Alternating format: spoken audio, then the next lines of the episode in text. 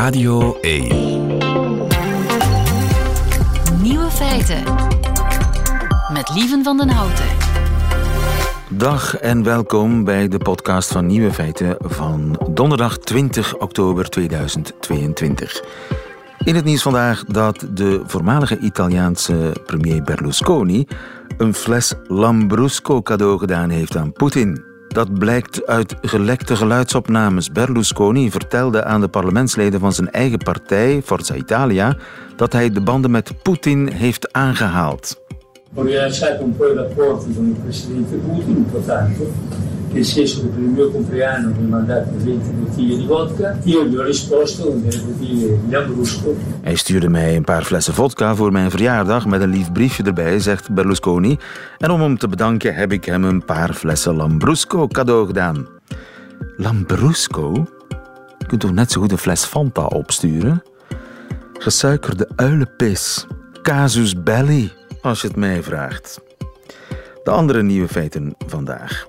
De Artevelde Hogeschool in Gent ontslaat een docent die grove humor hanteert op TikTok. In Leuven is een zonnepaneel uitgevonden dat waterstof produceert. Rika Ponet beantwoordt de vraag van Saskia, die zich afvraagt of haar getrouwde vriend wel ooit zal scheiden. En Bas Birker heeft een nieuwe show, die heet In Blijde Verachting. De nieuwe feiten van Otto Jan Ham die hoort u in zijn middagjournaal. Veel plezier. Frank Danis was tot vorige maandag docent aan de Artevelde Hogeschool in Gent, maar hij is ontslagen.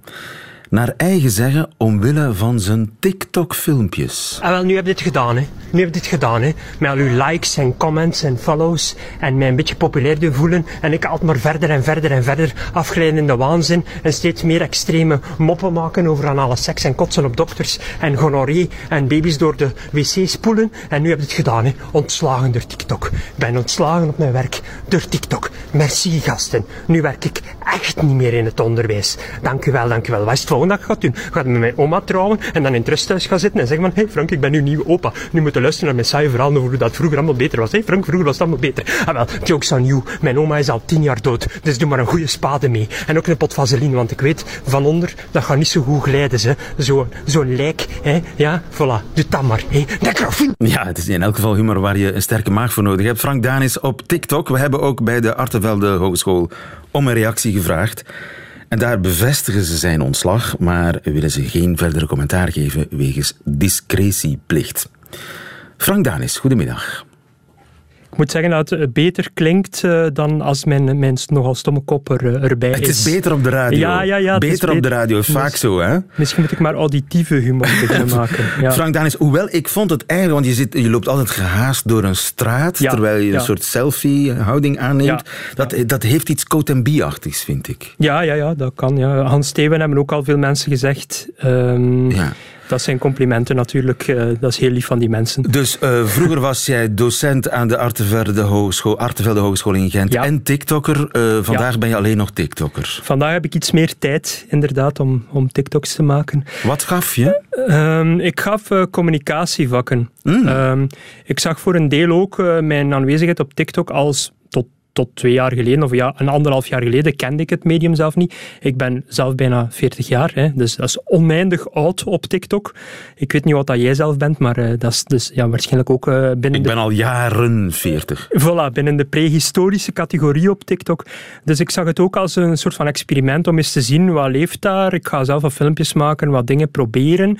Ik zag ook eh, zeer veel negatieve politieke filmpjes, waarin dat toch wel echt serieus, want mijn filmpjes zijn ironisch en humoristisch, eh, echt serieus eh, dingen haatdragend werden gezegd en dat vond ik niet zo tof, dus ik wou daar ook... een positieve noot op TikTok laten Ja, horen. ja. Maar bij de Artevelde Hogeschool zelf eh, viel die slecht. Die Viel die slecht? Nu, niet bij iedereen. Ik heb intussen van heel veel collega's heel veel steunbetuigingen gehad. Eh, dus ik denk dat het probleem bij een aantal collega's moet gelegen hebben en, en dan ook het, het management, die natuurlijk het gevoel hebben dat zij een soort van onderwijsproduct verkopen en ja, dat vinden, ze vinden dat dan een probleem als een docent dergelijke moppen maakt. Maar ben je, voor alle duidelijkheid, ontslagen door je grappen op, op TikTok of spelen daar nog andere redenen? Want Nee, nee, nee. Kunnen nee. wij niet checken natuurlijk. Nee, hoor, nee. eh, Nee, het was alleen dat. Ik ben niet perfect als lesgever, maar ik, ik denk, ik heb altijd heel hard mijn best gedaan om eh, in de professionele omgeving mijn afstand te bewaren van, van studenten. Ik vind dat heel belangrijk. Ik vind Dus je, hebt al niks mispeuterd. Nee, het enige wat je gedaan hebt is die filmpjes. Ja. En wat eh, was er volgens de directie dan mis met die filmpjes? Goh, dat was heel, eh, dat was heel vaag. Eh, ik denk dat ze het zelf niet zo Ze hadden gewoon zoiets van, oh nee, eh, anale seks. Die vertelde iets over anale seks. En ouders kunnen dat zien en, en, en collega's worden daar misschien boos om. Of misschien waren er klachten geweest van collega's die daar boos over werden. Vanuit hun eigen levensbeschouwelijke conservativisme dan moet ik ja, het is een hypothese, want eigenlijk, eigenlijk weet ik het niet. Daar terwijl de hogeschool zegt nu ook, ik wil dis, wij willen discreet zijn over de zaak. Ja, ik denk dat ze hebben gewoon geen zaak. Dat is het ding. Ja. Ehm, Nu, het toeval wil Ja. dat wij een professional in de studio hebben. oh nee. Frank, ja. ja. Goedemiddag, Bas Birker. Goedemiddag, lieve. Oh, Bas, jouw microfoon staat nog niet open. Zeg nogmaals, goedemiddag, Bas Birker. Ik herhaal goedemiddag, lieve. Ja. En goedemiddag, Frank. Hey. Morgen gaat jouw nieuwe show in première, daarover later meer eh, in deze uitzending.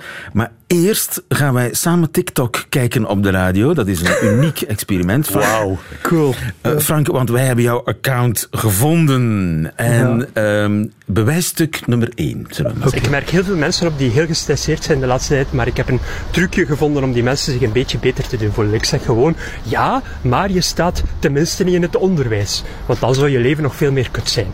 Bijvoorbeeld, gisteren had ik een beetje gonorree mijn pimmel, dus ik moest een, eh, een spuitje krijgen en, en de dokter hurkte zo wat neer, kon zo wat POV op haar gezicht kijken. Ze stak die spuit erin en ik was zeer angstig, dus ik moest plots kotsen. Bang, all over her face. Al mijn spaghetti van gisteren in haar haar en, en op haar gezicht. Ze zet zich recht. Ze was een beetje ambetant, denk ik. En ik zeg tegen haar, ja, oké, maar je staat tenminste niet in het onderwijs. Man, die werd daar opgewonden. Die begon met te zoenen overal stukken spaghetti van gisteren en kots en, en zaad, gonorreezaad. En ik, spuit mijn gonorreezaad in haar. En daarnet heeft ze mij gebeld dat er een uh, aankomt. Ik moet een gonorreebaby opvoeden nu. Fuck my life. Maar, gelukkig, sta ik niet in het onderwijs. Ah, wacht. Jawel. Ja, toen toch nog wel. Bas. Toen wel, niet meer. wel. Ik wil ook even aan mijn eh, liefdespartners van de afgelopen maanden zeggen: eh, dit is eh, parodie, satire. Jullie hoeven niet naar de dokter te gaan. Hoeveel zijn het er? Een aantal. Eh, Bas, wat vind je van eh, onze... Ik, vond dit, ja, ik moet er wel om lachen, omdat het er zo over is. Het is zoveel smerigheid op elkaar. dat ik, daar, ik krijg daar op een gegeven moment een slappe lach van. Als Ja. je dit lang genoeg bij mij doet. Maar de grapconstructie is wel goed. Want hij zet, eerst zet hij ehm, eh, eh, zijn punchline zet hij al neer. Dus hij zegt al... eh, eh, gelukkig sta ik niet in het onderwijs. Ja. En dat herhaalt hij. Dus dat is, graptechnisch is daar helemaal in orde. Omdat dat uiteindelijk ook het einde is van de mop. Ja, behalve dan dat hij toch in het onderwijs staat. Eh, ja, dat zijn dan details. Ja. Exhibit nummer 2. Soms heb ik geen zin om bepaalde dingen te doen en dan moet ik mezelf een beetje motiveren. En een trucje dat ik gevonden heb is om na iets dat ik moet doen tegen mezelf te zeggen: anders hebben de nazi's gewonnen. Bijvoorbeeld, straks ga ik een sponsbadje nemen met goed veel schuimig zeep van mijn onderste regionen en dan een mooie dikpik nemen. Anders hebben de nazi's gewonnen. Ja, mijn, eh, mijn crush eh, stuurde mij vandaag zo'n heel suggestief bericht en dat schreeuwde bijna van ik heb een dikpik nodig. Het was zoiets van, hey, hoe is het? En ik dacht van, ah, slet, dikpik nodig jij. Hahaha. Ik vraag me wel even dat ze gaan reageren, want met mijn stiefmoeder weet je het nooit. Dan kan ze zeggen van, oeh, wat, krijg je nu weer? Haha, Gelijk de vorige keer toen ik mijn anus gestuurd had. Dat was eh even ruzie in de familie. Maar ik moest het doen, want anders hebben de nazi's gewonnen. Bas? Ik, ik ben een beetje bang van Frank. maar echt, op heel veel niveaus ben ik bang van hem. Ja, en je kunt wat hebben. Ik kan heel wat hebben, Ja. maar niet zoveel als Frank, denk ik. ja, de grapconstructie zit weer in orde, maar eh, ik vind, vond deze wat gezochter dan de vorige. Ja, ik vind dat zelf ook. Ja. Ja, ik vond hem eigenlijk zelf niet zo geslaagd, Frank. Nee, eh, soms verbaast het mij dat iets op TikTok dan opeens aanslaat en andere Ja. dingen niet. Eh, en soms heb ik ook wel al iets Maar ik snap wel waar je naartoe wil, namelijk anders hebben de nazi's gewonnen, is natuurlijk een enorm cliché, een heel Ja. makkelijke stoplap om iedereen het zwijgen op te leggen. Ja, Voilà, ja. En, dat, en, dat, en dat vind ik dan wel goed gevonden. En ik, en ik eh, speel ook in op een aantal tropen of stijlfiguren die bij, of ja, dingen die bij jongeren vaak gebruikt worden. Het, het cliché van de sexy eh, stiefmoeder of schoonmoeder, zo door de hele pornocultuur wel nogal verspreid. Dus daar ga ik dan bijvoorbeeld ook op in. Eh, ik kies er dan wel voor om dergelijke dingen erin te steken. Bas, de Artevelde Hogeschool heeft de man ontslagen. Hebben ze gelijk? Eh, dat weet ik niet. Want ik ben geen professor arbeidsrecht. Daarvoor moet je Stijn Baert uitnodigen. Eh, ik weet het. Ja, ik, Zou jij hem in dienst houden, mocht jij directeur zijn? Eh, ja, want het ligt er zo dik bovenop dat dit onzin is. Op het moment dat hij de hele tijd met zijn vers gebleekte anus eh, pronkend door de school zou lopen, eh, al dickpics versturend naar eh, onwetende studenten en studentes, in dat geval... dan zou ik eh, ontslag overwegen. En tot die Maar, tijd zou maar ik er zolang hij er gewoon grappen en fictie en eh, humor, dan... eh, Ja, ik denk dat, dat heel veel andere scholen super trots zouden zijn op hun docent die met wel ranzigheid, maar wel succes heeft op TikTok. Zo, zo kun je het ook zien. Frank, wat nu voor jou? Ja, eh goede vraag. Ik vraag mij dus inderdaad af, zoals, zoals Bas zegt, ehm, zijn andere scholen geïnteresseerd in mij? Ik sta open, dit is een open sollicitatie. Open sollicitatie. Eh, jullie mogen mij bellen. Ehm, ik heb ook eh, ja, ik heb een aantal projecten lopen. De komende zes, zes maanden eh, hebben ze mij Voor, heb je nog iemand nodig voor je voorprogramma, eh, Bas? Nee, nee, nee. comedy gaat het niet worden, Frank. We zijn al met genoeg. Ja, Oké. Oké, Comedy, nee, en nee. Geen succes in de comedy, Snap ik. voorspel je hem? Dat weet ik niet. Weet ik niet eigenlijk. Nou, als je dit op een podium doet, dan, dan moet je nog wel 15 trappen ranziger om het nog op te laten vallen. Ja, maar dat, is kan. Frank volgens mij. Ja. Ik heb daar ook alle vertrouwen in. Frank, wat je ook mag eh, beslissen en wat je ook mag doen. Ik wens je nog veel succes. ja dank u. Dankjewel, goedemiddag. Dag. Bas, welkom in Nieuwe Feiten. Maar ik ben zo trots, lieve, van, van, middagjournaal maken. Ik ben een nieuw feit. Je bent een nieuw feit, Echt, dit is de grootste opslag die je me kon geven. want morgen gaat jouw nieuwe show in première. Ja, En die heet In Blijde Verachting. ja. Waarom? Wa- Waarom heet, heet die in, in Blijde Verachting? Ja, ik steek altijd graag een soort woordspelingje of zo. Een teasend woordspelingje in de titel. En die titel verzin je ook drie jaar of twee jaar voordat je de show maakt. Maar uiteindelijk klopt die wel. Het is, ehm, het is een show over eh, hoe ik denk ik altijd andere mensen heb veracht... tot ik met mezelf werd geconfronteerd. Dus nu is het een soort zelfverachting geworden. Ik ben mijn titel gaan spelen, per Je ongeluk bent denk ik. met jezelf geconfronteerd. Hoe kwam dat? Ik eh, kwam in het eh, ziekenhuis terecht vorig jaar voor ehm, met een vrij ingewikkelde hernia. En toen liep eh, alles mis wat er mis kon lopen. Een hernia, dat is iets in de rug, hè? Ik ken Ja, het dat zelf niet. is een- is iets dat verschuift. Het is een tussenwervelschijf die eigenlijk waar een scheurtje in ontstaat en waar de binnenste, waar de kern uitloopt en tegen je zenuwen gaat drukken. Dat is Ja, eigenlijk en, wat een dat is, hernia en dat is pijn.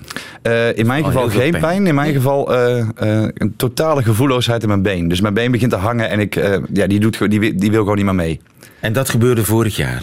Dat gebeurde vorig jaar en toen moest ik ehm, eh, heel snel geopereerd worden. Dat, dat had dezelfde dag kunnen gebeuren als het geen corona was toen. Maar toen moest ik eerst een coronatest. En je mag natuurlijk niet het ziekenhuis in als je ziek bent. Ehm, dus toen hebben ze met spoed geopereerd. En eh, toen bleek twee weken of anderhalve week later bleek ik een, een complicatie te hebben. Die ze vakkundig hadden gemist bij een, eh, een spoedcontroletje. En ik bleek eh, hersenvocht te lekken uit mijn ruggenmerg. Hersen, je hersenen waren naar je rug gezakt. Nee, nee, nee, nee, je hersenvocht. eh, dat, dus je hersenen zijn. wat er in je hersenvlies zit, is hersenvocht en dat is verbonden met je ruggenmerg. Dat stroomt daar doorheen heel langzaam en dan maak je nieuw aan. En dat is een drukvat, dat moet niet lek gaan. Ja. Je dat bent gebeurt wel bijna vaker. dokter geworden intussen. Ik weet er inmiddels wel best veel van, inderdaad. Dus, ja. dus dat hersenvocht lekte. ja, En dat, dat is... eh, het kwam in mijn rug terecht en toen ging, dat, ging mijn rug helemaal opbollen. Ja, sorry als je nou zit te eten. En dat eh, Bol, op, letterlijk. letterlijk opbollen. En dan Dus is er een... Dat kon je zien. Ja? Oh, ik heb echt medelijden met iedereen Dat die is een... een voetbal in je rug. Nou, nog niet een voetbal, maar wel een verdikking. Ja. En toen heb ik de neurochirurg laten kijken. En die heeft, eh, die heeft er eigenlijk gemist. Want die ging die avond op vakantie. Dus die had niet zo zin om te opereren. Dus die zei, eh, het zal wel een ontsteking zijn. Spuit erin. En dan hebben ze vier dagen later, eh, toen ik aan de zee was in Nederland... een draadje eruit gehaald. En dan was... in, de, in de show zeg ik, ken je dat gevoel dat je een scheetje laat... en je denkt, die moet ik even checken? Nou, dat gevoel, gewoon een liter vocht ineens in mijn broek, uit mijn rug. Ai. En dat bleek wel ernstig, ja. Ernstig, Als in, eh, dat, moet geopereerd worden, dat moest geopereerd worden. want anders... Eh, ja, er staat, ontstaat zo'n drukverschil. En als er hersenvocht uit je ruggenmerg kan, kan er ook een bacterie in. Krijg je hersenvliesontsteking en dan is het gewoon afgelopen. Dat wist ik toen ook niet, hè. Nee. Dus ik was er redelijk relaxed onder. Ik moest gewoon liggen en geopereerd worden. En, en dat is goed afgelopen? Dat is goed afgelopen. En een week, maar twee weken later eh, is er dan een pleister van mijn rug gehaald. En toen bleek mijn rug ontsto- ontstoken. Omdat er natuurlijk heel lang heeft mijn rug open gestaan. Dus toen moest ik weer s'avonds gelijk met spoed geopereerd worden. Dus zo sukkelde ik... Hoeveel keer ben je geopereerd op een jaar tijd? Eh, vorig, eh, vorig jaar drie keer in een maand. En eh, dan heel lang niet. Dan hebben ze proberen mijn, eh, mijn nieuwe hernia's. eh, want ik had alweer nieuwe gemaakt. Ik maak sneller hernia's dan eh, Tanja Dexter slechte levenskeuzes. Dus echt, dat gaat echt heel snel. Dus ik had er zes, eh, mijn teller stond op zes, denk ik, eh, met kerst. En ehm, toen hebben ze het voorjaar beslist van ja, die tussenwervelschijven, ja, die moeten er gewoon uit. Want ja, anders blijft het elke keer een risico dat ineens eh, alles uitvalt. En kun je die zomaar missen? Dat kan. Ehm, ja, dat is dan dat is ingewikkeld. Hè? De, in de volksmond zeggen ze dan, ah, ze hebben het vastgezet. Maar dat klinkt een beetje te simpel voor wat het is. Dus technisch gezien hebben ze er drie uitgehaald. En dat hebben ze dan... Ze vermalen dan je eigen tussenwervelschijven, smakelijk iedereen. En dan vermengen ze met donorbot. En daar smeren ze dan eigenlijk de ruimte die ze maken met een koolstofblokje mee dicht. En dan zetten ze met titanium bouten en pinnen en afstandshoudertjes alles Je bent recht. bionic man. Het zal wel intussen. zijn. Ja. Het zal wel zijn. Dus je hebt een zwaar jaar achter de Het was een pittig jaar. Ja, en, was en was je jaar. intussen mobiel?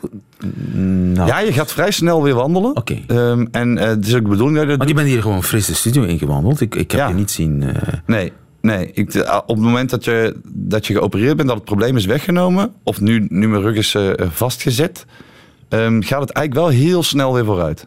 Ja. Goed slapen, goed rusten, heel veel wandelen. Ja. Acht kilometer per dag, elke dag eh, wandel ik rond in Merksem. Ik ben echt beu gezien. Dus je bent een sportieve kerel geworden. Mm, ja, heb je het niet gezien aan mijn killer body, lieve? Ik, eh, kijk... Dit duurt te lang, lieve. je moet gewoon ja zeggen. Eh, Ja, je, je, je, je- Ja. je- je draagt een soort eh ruimzittend truitje. Ja, ja. Maar je, dus je, hebt een volledige levensstijlverandering. Ja, ja, ja, ja. Ik ben, ja, roken was verboden bijvoorbeeld. Maar ik echt een roker. Dus ik moest stoppen met roken voor je botherstel. Maar toen had ik bedacht, ja, maar ik krijg altijd superveel zin om te roken als ik ga drinken. Dus toen dacht ik, dan moet ik ook stoppen met drinken. Maar toen dacht ik, ja, maar ik krijg, krijg altijd superveel zin om te drinken als ik ga nadenken. Dus toen moest ik ook stoppen met, nou ja, de- enige manier om te stoppen met nadenken is eigenlijk beginnen met drinken. Dus ja, ik, zat op mijn, ik was een beetje Mathieu van der Poel in Australië. Ik zat een beetje vast. En wat is het resultaat daarvan geworden? Dat je alles afgezworen hebt? Nou ja, je leeft als een monnik. Nee, nee, nee, zo erg is het nog niet. Maar, eh, en ik ben ook niet Evie Hansen. Hè. Ik, ben niet, eh, de- ik drink niet, ik drink niet, kijk, koop mijn boek. Ehm, eh, nee, helemaal niet. Maar ik probeer wel echt erop te letten en heel erg bewust met mijn lijf bezig te zijn om dit vol te kunnen houden. Want ik speel natuurlijk weer drie, vier avonden in de week. En dat is toch best pittig eigenlijk, ja. Dus er is een nieuwe Bas Birker opstaan. Absoluut. Er is echt wel een... eh, hoe erg ik het ook vind, heeft de medische ellende mij wel tot een soort verandering gedwongen. Wauw. Ja. Het is echt een soort Paulus Saulus. eh. Eh, ik snap deze referentie niet, maar ja, zeker wel. Oh, ben je niet... Ja, maar Christ, eh, eh, Nee, ik ben echt, zo- echt een, als ketter Oh opgevoed. ja, nee. Nee. Oké, dat is super een, een referen- culturele referentie die jij mist natuurlijk als ketter. Ja, Sorry. mijn excuses. Maar je hebt een plots... eh, je bent eigenlijk veranderd. Je bent... eh, hoe zal ik het zeggen? Je, hebt tot, je bent tot een inzicht gekomen. Je was een, een, een zondaar. eh, je leefde slecht. Ja, zo erg is het Eh, ook weer je niet. stopte jezelf vol middelen en suikers. En Ja, fastfood en... Hoeveel ben je afgevallen? eh, oh, afgevallen. Een kilo of vijf, zes denk ik. Ik weet het niet. Ja. Maar je voelt je nu eigenlijk een, een stuk beter dan voor de ellende. Ja, absoluut, absoluut, absoluut. Dus was het het allemaal waard? Ja, het was het zeker allemaal waard. Al is het maar dat vier keer een week in een Belgisch ziekenhuis je zoveel inspiratie geeft voor goede grappen. dat er nu gewoon een show van anderhalf uur uitrolt zonder problemen. Arme dokters. Arme dokter, nee, helemaal niet. Eentje die die diagnose heeft gemist, die wordt er wel doorheen gesleurd. En terecht trouwens. Eh, Met naam en toenaam. Zeker niet, maar iedereen die bij ZNA in Antwerpen werkt, weet precies over wie ik het heb. En dat is ook exact de bedoeling. Ik heb hem niet aangeklaagd, dit is mijn zoete wraak. Ja, maar je bent er nu vrolijk bij. Was dat altijd zo in, de, in, ja, in, in, in het heetst van je ellende? Nee, nee, nee. Ja, vorig jaar viel dat eigenlijk wel mee, omdat alles ad hoc was. Maar nu wist ik heel goed waar ik aan toe was. Ik wist in april dat ik in mei geopereerd ging worden en drie maanden niks mocht doen. En ik had deze operatie wel onderschat. Ik dacht, ah, dat is gezellig, dat doen ze even. Maar Ja. acht uur opereren, dat is toch best wel lang. Ja. Dus daar ben ik wel. ehm, Dus je hebt de wanhoop gezien. ik was mijn, ik was mijn eh, geheugen zelfs echt totaal kwijt van de eerste twee weken. Ja. Dat is paniek. Eh, na, eh, achteraf, we zijn hier eigenlijk twee weken geleden achtergekomen. Ik eh, zocht een leuke merchandise om te doen. En ik, ehm, eh, eh, om te verkopen naar de show. En in de show zit een stukje over dat er nog washandjes bestaan in dit land. Maar ik weet niks Tuurlijk. van washandjes. Ja, Tuurlijk. Ja, tuurlijk. Superhandig. Washandjes. Ik ben pro washandjes. Kom op, mensen van ah, 1970 weten allemaal dat vingers ook overal ingaan. Ja. Washandjes, dus... Maar blijkbaar moet je die dus meenemen naar het ziekenhuis hier. In, in Nederland nemen we dingen mee uit het ziekenhuis. Hier moet je ze brengen. en dus heb ik het fenomeen washandje voor van boven en washandje voor van onder leren kennen. Dat doe ik niet aan mee. Nee, nee, goed zo. Dat, ik ben blij dat je ja, je poep goed afveegt.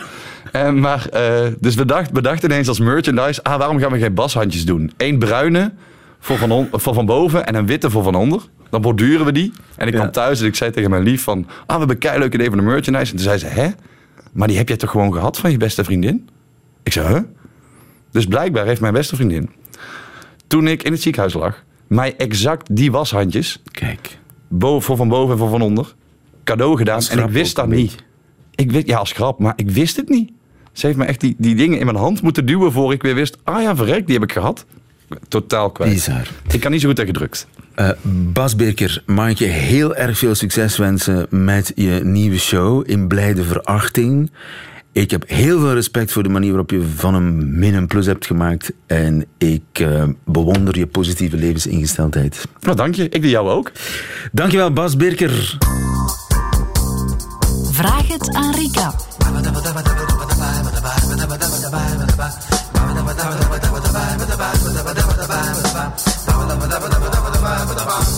Het is weer donderdag en dan ontvang ik met graagte, met koekjes, eh, desnoods met soep of totjespap zo gewenst. Koffie. Koffie graag voor Rika Ponet, relatiedeskundige. Goedemiddag. Goedemiddag. Rika Ponet, ik heb weer een heleboel eh, post voor jou gekregen. Ik pik er eentje uit met jouw eh, welbevinden. Een brief van Saskia.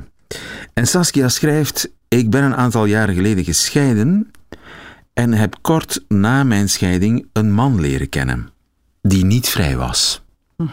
En die dat nog steeds niet is. Oké. Het klikte geweldig tussen ons, tot op vandaag. Is dat zo? Dat hij getrouwd was, kwam me aanvankelijk nog wel goed uit. Maar het is toch al enige tijd dat ik echt wel klaar ben voor een relatie. Hij beloofde al van bij aanvang dat hij zijn vrouw zou verlaten. Zijn huwelijk stelt al lang niets meer voor en er is geen seks meer. Maar concrete stappen nam hij tot nu toe niet. Nu ik meer begin aan te dringen, merk ik dat hij het onderwerp uit de weg gaat. Ik krijg het er alsmaar moeilijker mee, wil niet langer een relatie in het geheim aanhouden, eindelijk eens echt gaan leven. Ik heb hem onlangs een ultimatum gesteld. Tegen het einde van de zomer wou ik eigenlijk dat hij het besprak met haar. Hij zei dat hij dat deed, maar zij het uit de weg gaat, het niet het juiste moment is omwille van de zoon die nu naar de universiteit gaat, enzovoort. Ik begin te denken dat hij helemaal niets ondernomen heeft. Ik zie hem enorm graag, wil hem niet kwijt, maar weet wel niet hoe ik er mee verder moet. Consequent dingen eisen of me alsmaar slechter en kleiner gaan voelen. Dat lijkt me zo'n beetje de keuzes die ik heb. Saskia, Saskia, Saskia. 42 jaar. Ja. En ze wacht. Ja, de wachtkamer. Ja, ik denk dat dat iets is wat herkenbaar is voor mensen die als minnaar of als minnares eh, met iemand verbonden zijn. En zeker naarmate de tijd vordert. Hè. Als dat voor korte tijd is, dan eh, is dat een ander verhaal. Ehm, ik denk eh, in, in dit geval dat we echt wel kunnen spreken over ehm, een intieme hechtingsband die al tot stand is gekomen. Het gaat over een aantal jaren blijkbaar. We weten niet hoeveel jaren, maar een aantal jaren klinkt toch behoorlijk lang.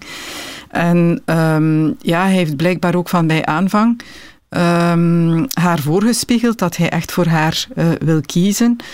Waarschijnlijk, ja, dat hoor ik nogal eens, dat mensen juist na een scheiding zeggen, ik vind dat nog zo slecht niet. Iemand die niet vrij is, want uh, emotioneel ben ik ook nog een aantal dingen aan het verwerken. Ondertussen heb ik daar steun aan, dat vult een deel van de behoeftes in. Um, maar zo'n relaties, ja, als daar op een bepaald moment geen keuze wordt gemaakt, dan zie je dat men zich daar al maar slechter gaat in voelen. En dat is ook een beetje wat zij nu um, aan de hand heeft. Ze wil eigenlijk doordat ze er zelf helemaal klaar voor is, dat hij ook echt kiest voor deze relatie, wat hij duidelijk volgens mij niet doet. En ook niet zal doen. Ik vermoed niet. Vanuit mijn ervaring, uh, uiteraard niets is ooit 100% leven in dit soort verhalen. Maar vanuit mijn ervaring is het zo dat als mensen niet um, ja, in de eerste tijd, en ik ga daar geen tijd op kleven, maar niet vrij snel nadat men zoiets begonnen is, effectief die keuze maakt, dat die keuze uiteindelijk niet meer gemaakt wordt, of het ook initieel al niet de bedoeling was om die keuze te maken. En dat vindt um, zij natuurlijk vreemd, want er is zo gezegd niks ja. meer, geen seks meer, dat huwelijk ja. gaat al heel lang slecht, dat heeft hij allemaal um, ja. geuren en kleuren te vertellen. Ook dat zijn zo van die verhalen uh, waarbij ik al eens denk, ja, hij kan dat natuurlijk wel zeggen, misschien ook wel deels menen. Vermoedelijk is er geen seks meer, dat kan heel goed zijn. Maar er zijn veel dingen die mensen in hun huwelijk binden, buiten uh, datgene wat we dan intrinsiek uh, de lichamelijke liefde de, de, noemen. Ja, of de relationele kwaliteiten van een relatie noemen. Um, dus ja, kinderen, huizen, uh, families, uh, schuldgevoelens. er zijn tal van zaken die ervoor zorgen dat mensen uiteindelijk die stap niet zetten. En naar haar toe dat verhaal ophangen is natuurlijk ook een manier om verbinding tot stand te brengen. Hè, om haar in het verhaal te houden. Um, nu... Um, maar je ja, zegt, ik kan daar geen tijd op plakken, Ja. want dat is natuurlijk de grote vraag. Hè. Wanneer is dat omslagpunt? Wanneer Ja. kun je het opgeven? Is dat... eh, Ehm, het is duidelijk dat bij haar er op dit moment iets heel dwingend is dat haar ook bijna heeft geduwd richting het stellen van een ultimatum. Nu, ik geloof zo niet in dat gegeven het stellen van een ultimatum. Dat is eigenlijk een grens, de, niet juiste grens die je aangeeft. Je eist van de andere dat hij een keuze maakt, terwijl eh, naar mijn aanvoelen is de keuze duidelijk. Hè. Maar mocht hij echt willen vertrekken, hij vertrok, hè, want ze geeft al een hele tijd aan, ik wil eigenlijk iets meer dan datgene wat we nu hebben. Ehm, dus ze wil eigenlijk dat er aan zijn kant verandering is. Ze stelt dat ultimatum. En ja, dat, dat is zo'n knop die je induwt, voornamelijk vanuit uw eigen angst. Ah, Ik wil eigenlijk zekerheid rond zijn engagement. Dat is ze nu ook heel de tijd aan het doen. Hem dus een ultimatum is een slecht idee. Dat is een heel slecht idee, ja. Nooit doen. Of Waar gaat het over? Ehm, grensstelling, of de juiste grensstelling, is de grens die je bij jezelf stelt. En het is heel duidelijk dat zij nu in een soort van positie zit, waarin dat ze vooral probeert hem alsnog te veroveren richting het kiezen voor haar. Terwijl dat Ja, want denk dus ik, de keuze nummer drie staat er niet bij. Ze zegt, Nee. ofwel moet ik mij kleiner en kleiner en kleiner Klein, maken en ja. mijn mond houden en blij zijn met Ja. elke kruimel die ik krijg. ja. Ofwel moet ik op tafel slaan. Wat moet ik doen? en eisen dat hij voor mij kiest. Er is een derde weg en dat is eigenlijk de allerbelangrijkste weg. Wat wil ik? En kan ik mij aan de keuze die ik maak naar mezelf toe, kan ik mij daaraan houden? Eh, Dat, eh, en dat wil zeggen, ja, ik wil eigenlijk een relatie die openlijk is, die niet geheim is. Ik wil iemand die voor mij kiest. Ik heb dat al ettelijke keren bevraagd. In welke mate komt hij aan die vraag tegemoet? Eh, hij komt er niet aan tegemoet, dan, ja, dan kies ik voor mezelf. Dan moet ik ook die conclusie trekken. Niet zozeer van, kijk, eh, jij moet tegen de zomer die keuze gemaakt hebben en gepraat hebben met, eh, met je vrouw. Maar, ehm, kijk, ik heb het nu al een paar keer gevraagd. Ik denk dat het heel duidelijk is wat ik verlang. Voor mij werkt het niet meer. Hier stop ik. Hè. Ehm, stel dat jij aan jouw verhaal uiteindelijk wel wat doet en het zover is dat je die keuze maakt, weggaat bij haar, alleen gaat wonen en alsnog interesse hebt om met ons verder te gaan, oké, dan sta ik daar mogelijk nog voor open. Maar zoals het vandaag is, kies ik voor mezelf en hier stop Daar ben je heel duidelijk in. Daar ben ik heel duidelijk in. Ja. En dat is ook de enige manier om Gewoon in te voelen. Ja, om En dan komt hij wel. en dan komt Als hij wel of wil. niet. Of niet, ja. Dan komt hij of dan eh, komt hij niet. Nu, ik oordeel er ook niet over. Vaak zijn dit zeer verslavende dynamieken, hè, waarbij mensen dan dat ultimatum stellen. Verslaafde Ehm, dynamieken, verslaafd aan de vernedering, aan de- verslaafd ja. aan, aan de pijn eigenlijk ja, het, en het altijd opnieuw proberen veroveren. Hè. De andere en, de, en, de, en de fantasie van het zal mij toch lukken, een soort Hij zal toch, machtsfantasie. ja, hij zal toch voor mij kiezen. Hij zal toch, ja, dat is ook, daar zit dan vaak ook wel iemand die toch een stukje onzeker is over zichzelf. En, eh, en je wordt ook zo. Hè. Dat is hetgeen wat ik heel vaak hoor van mensen die lang in een minnaressen of een minnaar-statuut zitten. Je wordt een dweil. Dat, dat hoor ik heel vaak. Van op den duur ben je niets meer. Hè. Eh, heb je, al je zelfwaarde gaat daaraan kapot. En eh, dat is het eh, waar zij nu in eerste instantie denk ik, een keuze best in maakt, niet moet, hè, eh, maar optimaal zou inmaken is de keuze richting zichzelf. En eh, ik weet ook dat die kruik soms heel lang te water gaat. Hè. Ik heb dat al vaak ervaren in mijn praktijk. Mensen schamen zich soms diep dat ze toch altijd weer het ultimatum verleggen. Ja, dat, en eh, hoe lang kan dat zo doorgaan? ja, een tot- half leven. ja, tot bij sommigen heel lang. Ja. Tot, 20 jaar. Tot het niet meer lukt, echt. Ja. dan gaat het over... eh, je kiest voor jezelf op het moment dat het echt gaat over zelfbehoud. En dan neemt het ook vaak nog behoorlijk wat tijd alvorens je daar terug overheen bent. Ja. Maar hopelijk dan in een volgend verhaal kiest voor iemand die ook echt voor jou kiest. Ja, daar tijd om het te over. knopen door te hakken, Saskia. Dat raden wij jou aan. Dankjewel voor je bericht en hopelijk hebben we jou eh, geholpen. Zijn er nog mensen met vragen voor Rika? Ze zijn welkom op Nieuwe Feiten, radio1.be. Tot volgende week. Graag. Nieuwe feiten. Uitgevonden in eh, Leuven een zonnepaneel dat geen elektriciteit produceert, maar waterstof. Goedemiddag, Jan Ronger. Goedemiddag. Jan Ronger, je bent eh, onderzoeker aan de Universiteit van eh, Leuven. Waarom zou ik een zonnepaneel willen dat waterstof produceert? Wel, ehm, ja, kijk, ik denk dat iedereen vandaag doorheeft dat we naar hernieuwbare energie moeten gaan. Eh, we hebben nu ook door dat we van het fossiele gas af willen. En in de toekomst gaan we dus alles moeten doen met hernieuwbare energie. Voor een stukje zal dat hernieuwbare elektriciteit zijn, en voor een ander stukje zullen we hernieuwbare gassen nodig hebben. En waterstof is daar de meest voor de hand liggende. Ja, maar het is toch een, een ingewikkelde, want eh, die waterstof ga je vervolgens gebruiken om elektriciteit te produceren. Vaak. Eh, nee, dat hangt er vanaf. Ehm in sommige gevallen ga je daar elektriciteit mee produceren. Bijvoorbeeld, een, een, kan zijn dat er een elektrische vrachtwagen is die aangedreven wordt door waterstof, bijvoorbeeld. Maar het kan ook zijn dat het gebruikt wordt voor industriële processen, voor warmte, voor chemie enzovoort. Ja. En is dat eh, eh, moeilijk geweest om een zonnepaneel te gebruiken als ja, producent van waterstof? Ehm, eh, wel, kijk, wij vonden het heel belangrijk dat ehm, naast zonnepanelen die stroom produceren, dat er ook een gelijkaardig paneel zou bestaan dat eh, waterstof kan maken. Dus dat we ook hernieuwbare waterstof kunnen maken rechtstreeks uit de zon. En we zijn daar inderdaad lang aan bezig geweest. Ehm, er zijn heel veel ideeën in de wereld om dat te doen, maar ehm, de moeilijkheid is vooral om uiteindelijk tot inderdaad een, een paneel te komen dat werkt in het echt en dat eh, betaalbaar is en opschaalbaar is. Ja, en dat is dat paneel dat jullie gemaakt hebben, dat is betaalbaar en schaalbaar. Ja, dat is nu net eh, eh, wat we eigenlijk recent hebben, hebben getoond, is een, een nieuw ontwerp. Ehm, want ja, eh, we zijn in het verleden in het nieuws gekomen met ons paneel, maar dat was een oud ontwerp. Nu hebben we een ontwerp klaar dat effectief geproduceerd kan worden op grotere schaal en op die manier breder inzetbaar wordt. Ja, want er zijn op dit moment projecten die in Namibië lopen bijvoorbeeld, omdat daar heel veel zon is. Om met die zon eh, waterstof eh, te maken. Dat is iets anders dan wat jullie eh, maken. Ja, inderdaad. Dus vandaag kan je perfect al groene waterstof maken. Dat kan met elektriciteit. Hè. En die elektriciteit kan je halen uit windturbines of uit zonnepanelen. Ehm, nu, wij hebben gezegd, als je dan toch de zon gaat gebruiken om waterstof te maken, laten we ons dan zoeken naar de meest betaalbare en de meest efficiënte, dus eigenlijk ook de groenste manier om dat te gaan doen. Oh ja, dus in Namibië dus- maken ze eerst nog elektriciteit met die zonnepanelen. Vervolgens met die elektriciteit waterstof. En die waterstof moet dan helemaal naar Antwerpen worden verscheept. En kan daar dan weer gebruikt worden in de industrie. En vaak is dat dan ook nog eens omzetten weer in elektriciteit. Ja, afhankelijk van de toepassing, inderdaad. Afhankelijk van Ja. de toepassing. Dus dat zijn heel veel stappen. Iedere, elke stap is ook een beetje energieverlies, neem ik aan. Jullie slaan eigenlijk een stap over. Klopt, dus wij slaan een beetje een omweg over. Hè. Dus in plaats van eh, eerst ergens zonnepanelen te moeten zetten en dan nog eens een toestel dat eh, die stroom gaat gebruiken, integreren wij het in één toestel. Nu, um, natuurlijk, die discussie komt vaak, hè, als het over waterstof gaat, zegt men dat is toch niet efficiënt enzovoort.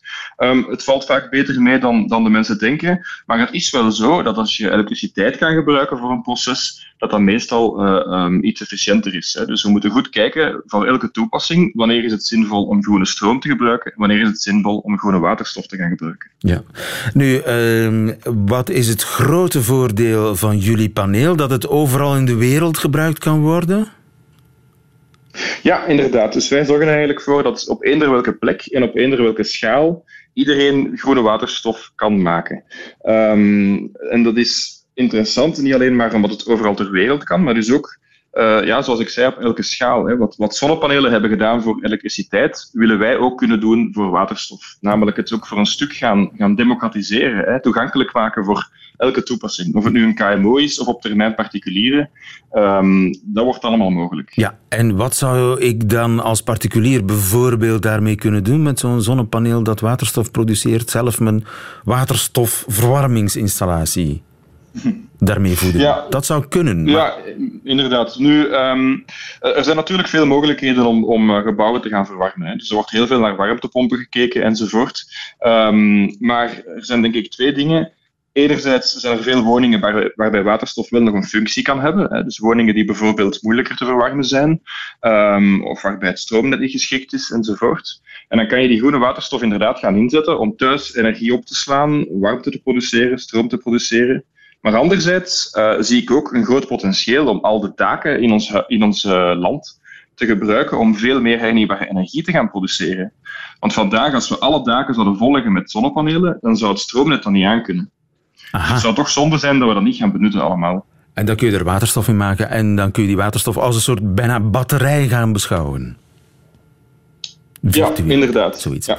Jan Dronger, gefeliciteerd met je uitvinding en veel succes met de, het zonnepaneel dat waterstof produceert. Goedemiddag. Dankjewel. Fijne dag.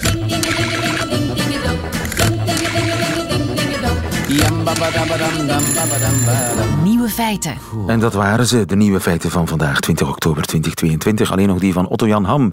Die hoort u nu in zijn middagjournaal. Nieuwe feiten. Middagjournaal. Hallo luisteraar. U treft mij eerlijk gezegd op een slecht moment. Het is erg druk en ik heb geen inspiratie. Ik zeg het liever zoals het is, want eigenlijk duurt het langst. En bovendien, jezelf kwetsbaar opstellen is het nieuwe zwart, of zo. Dus ja, daar zitten we dan. Ik wil het ook niet de hele tijd over mijn kinderen en mijn huisdieren hebben. Wat voor een beeld gaat u anders van mij krijgen? Dat ik zo'n ellendige columnist ben als u dat soort verhalen graag hoort of leest, moet u maar gewoon een abonnement op de morgen nemen. Misschien moet ik voor de goede orde wel even zeggen hoe het afgelopen is met de cavia's. Die hebben dus wel degelijk schurft, dat zei de dierenarts. Maar geen nood, het volstaat van die gewoon drie weken lang elke dag een siroopje van 75 euro te geven en dan is dat opgelost. Ik kan het niet hebben over mijn deelname aan de slimste mens, want dat moet nog uitgezonden worden. Nochtans kan ik daar heerlijke verhalen over kwijt. Vooral over die ene kandidaat tegen wie ik het moest opnemen en hoe die tegen mij deed. Jammer, het was erg smeug en bood tevens een unieke kijk achter de schermen van deze populaire quiz. Ik kan ook niks zeggen over de muzikale eindejaarsvoorstelling die we in december over het hele land gaan spelen en waarover je alle info vindt op maandag.be, omdat ik die show nog grotendeels moet schrijven. Maar kom zeker kijken, vorig jaar was dat plezant. Ik kan ook niks zeggen over hoe het in Griekenland was, waar we net met Janika Zaltsis het nieuwe seizoen van Viva la Feta hebben opgenomen. Of over de nieuwe programma's waar ik momenteel aan werk, want ik ken dat, anders gaat u ze ook maken. Ik kan het hebben over Snoop Dogg, want die is jarig vandaag, zag ik op internet. Ik kan het hebben over het ongelooflijk verhaal dat ik daarmee tien jaar geleden in een Amsterdamse schoenenwinkel heb beleefd, maar dat gaat u toch weer niet geloven.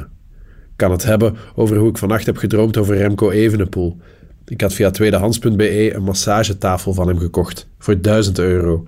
Bij aankomst was de familie Evenepoel druk bezig om met een grote kraan een middeleeuwse kasteeltoren op het dak van hun fermette te zetten. En Remco zelf was nogal gehaast. De tafel die ik gekocht had bleek niet meer dan vier losse poten en een kapot hoofdkussen. Ik probeerde te zeggen dat 1000 euro eigenlijk veel te veel geld was daarvoor en dat ik spijt van mijn aankoop had. En daarbovenop, waarom had ik eigenlijk een massagetafel nodig? Maar de moeder van Remco werd hysterisch. Zoals ik al zei, ze zaten midden in verbouwingen. En ik weet uit eigen ervaring dat dat altijd stresserend is. Ik kan het hebben over de nieuwe plaat van de Hot Chili Peppers die ik net in de auto had opstaan, maar ze deed mij vrij weinig. En u waarschijnlijk ook niet. Billie Eilish zei laatst in een podcast dat een groep of artiest maximaal drie geweldige platen kan maken en dat het er dan niet meer zoveel toe doet. Ik denk dat ik het met Billie eens ben en gun haar nog één heel goede plaat. Over de grote thema's heb ik op zich wel een mening, maar wat hebt u daar weer aan? Laat ons zeggen in grote lijnen dat ik denk dat we ons als soort een beetje aan het overschatten zijn en dat het universum doodgemoederd doorgaat met de orde van de dag wanneer de mens er weldra niet meer is. De kosmos kan het ook met wat vissen en muggen. Ik besef ook wel dat dit in eerste instantie een akelige gedachte is en daarom ga ik er niet dieper op in en heb ik al spijt dat ik er überhaupt over begonnen ben. Dus voilà, dit was mijn middagjournaal. Hier moet u het mee doen. Wat gaat Lieve van den Houten doen? De flikken bellen? Dacht het niet. Tot morgen.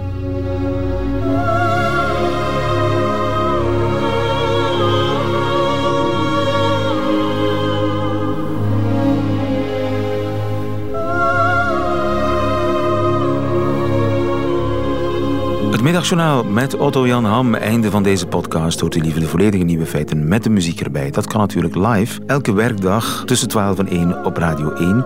Of on demand via radio1.be of de Radio 1-app. Tot een volgende keer.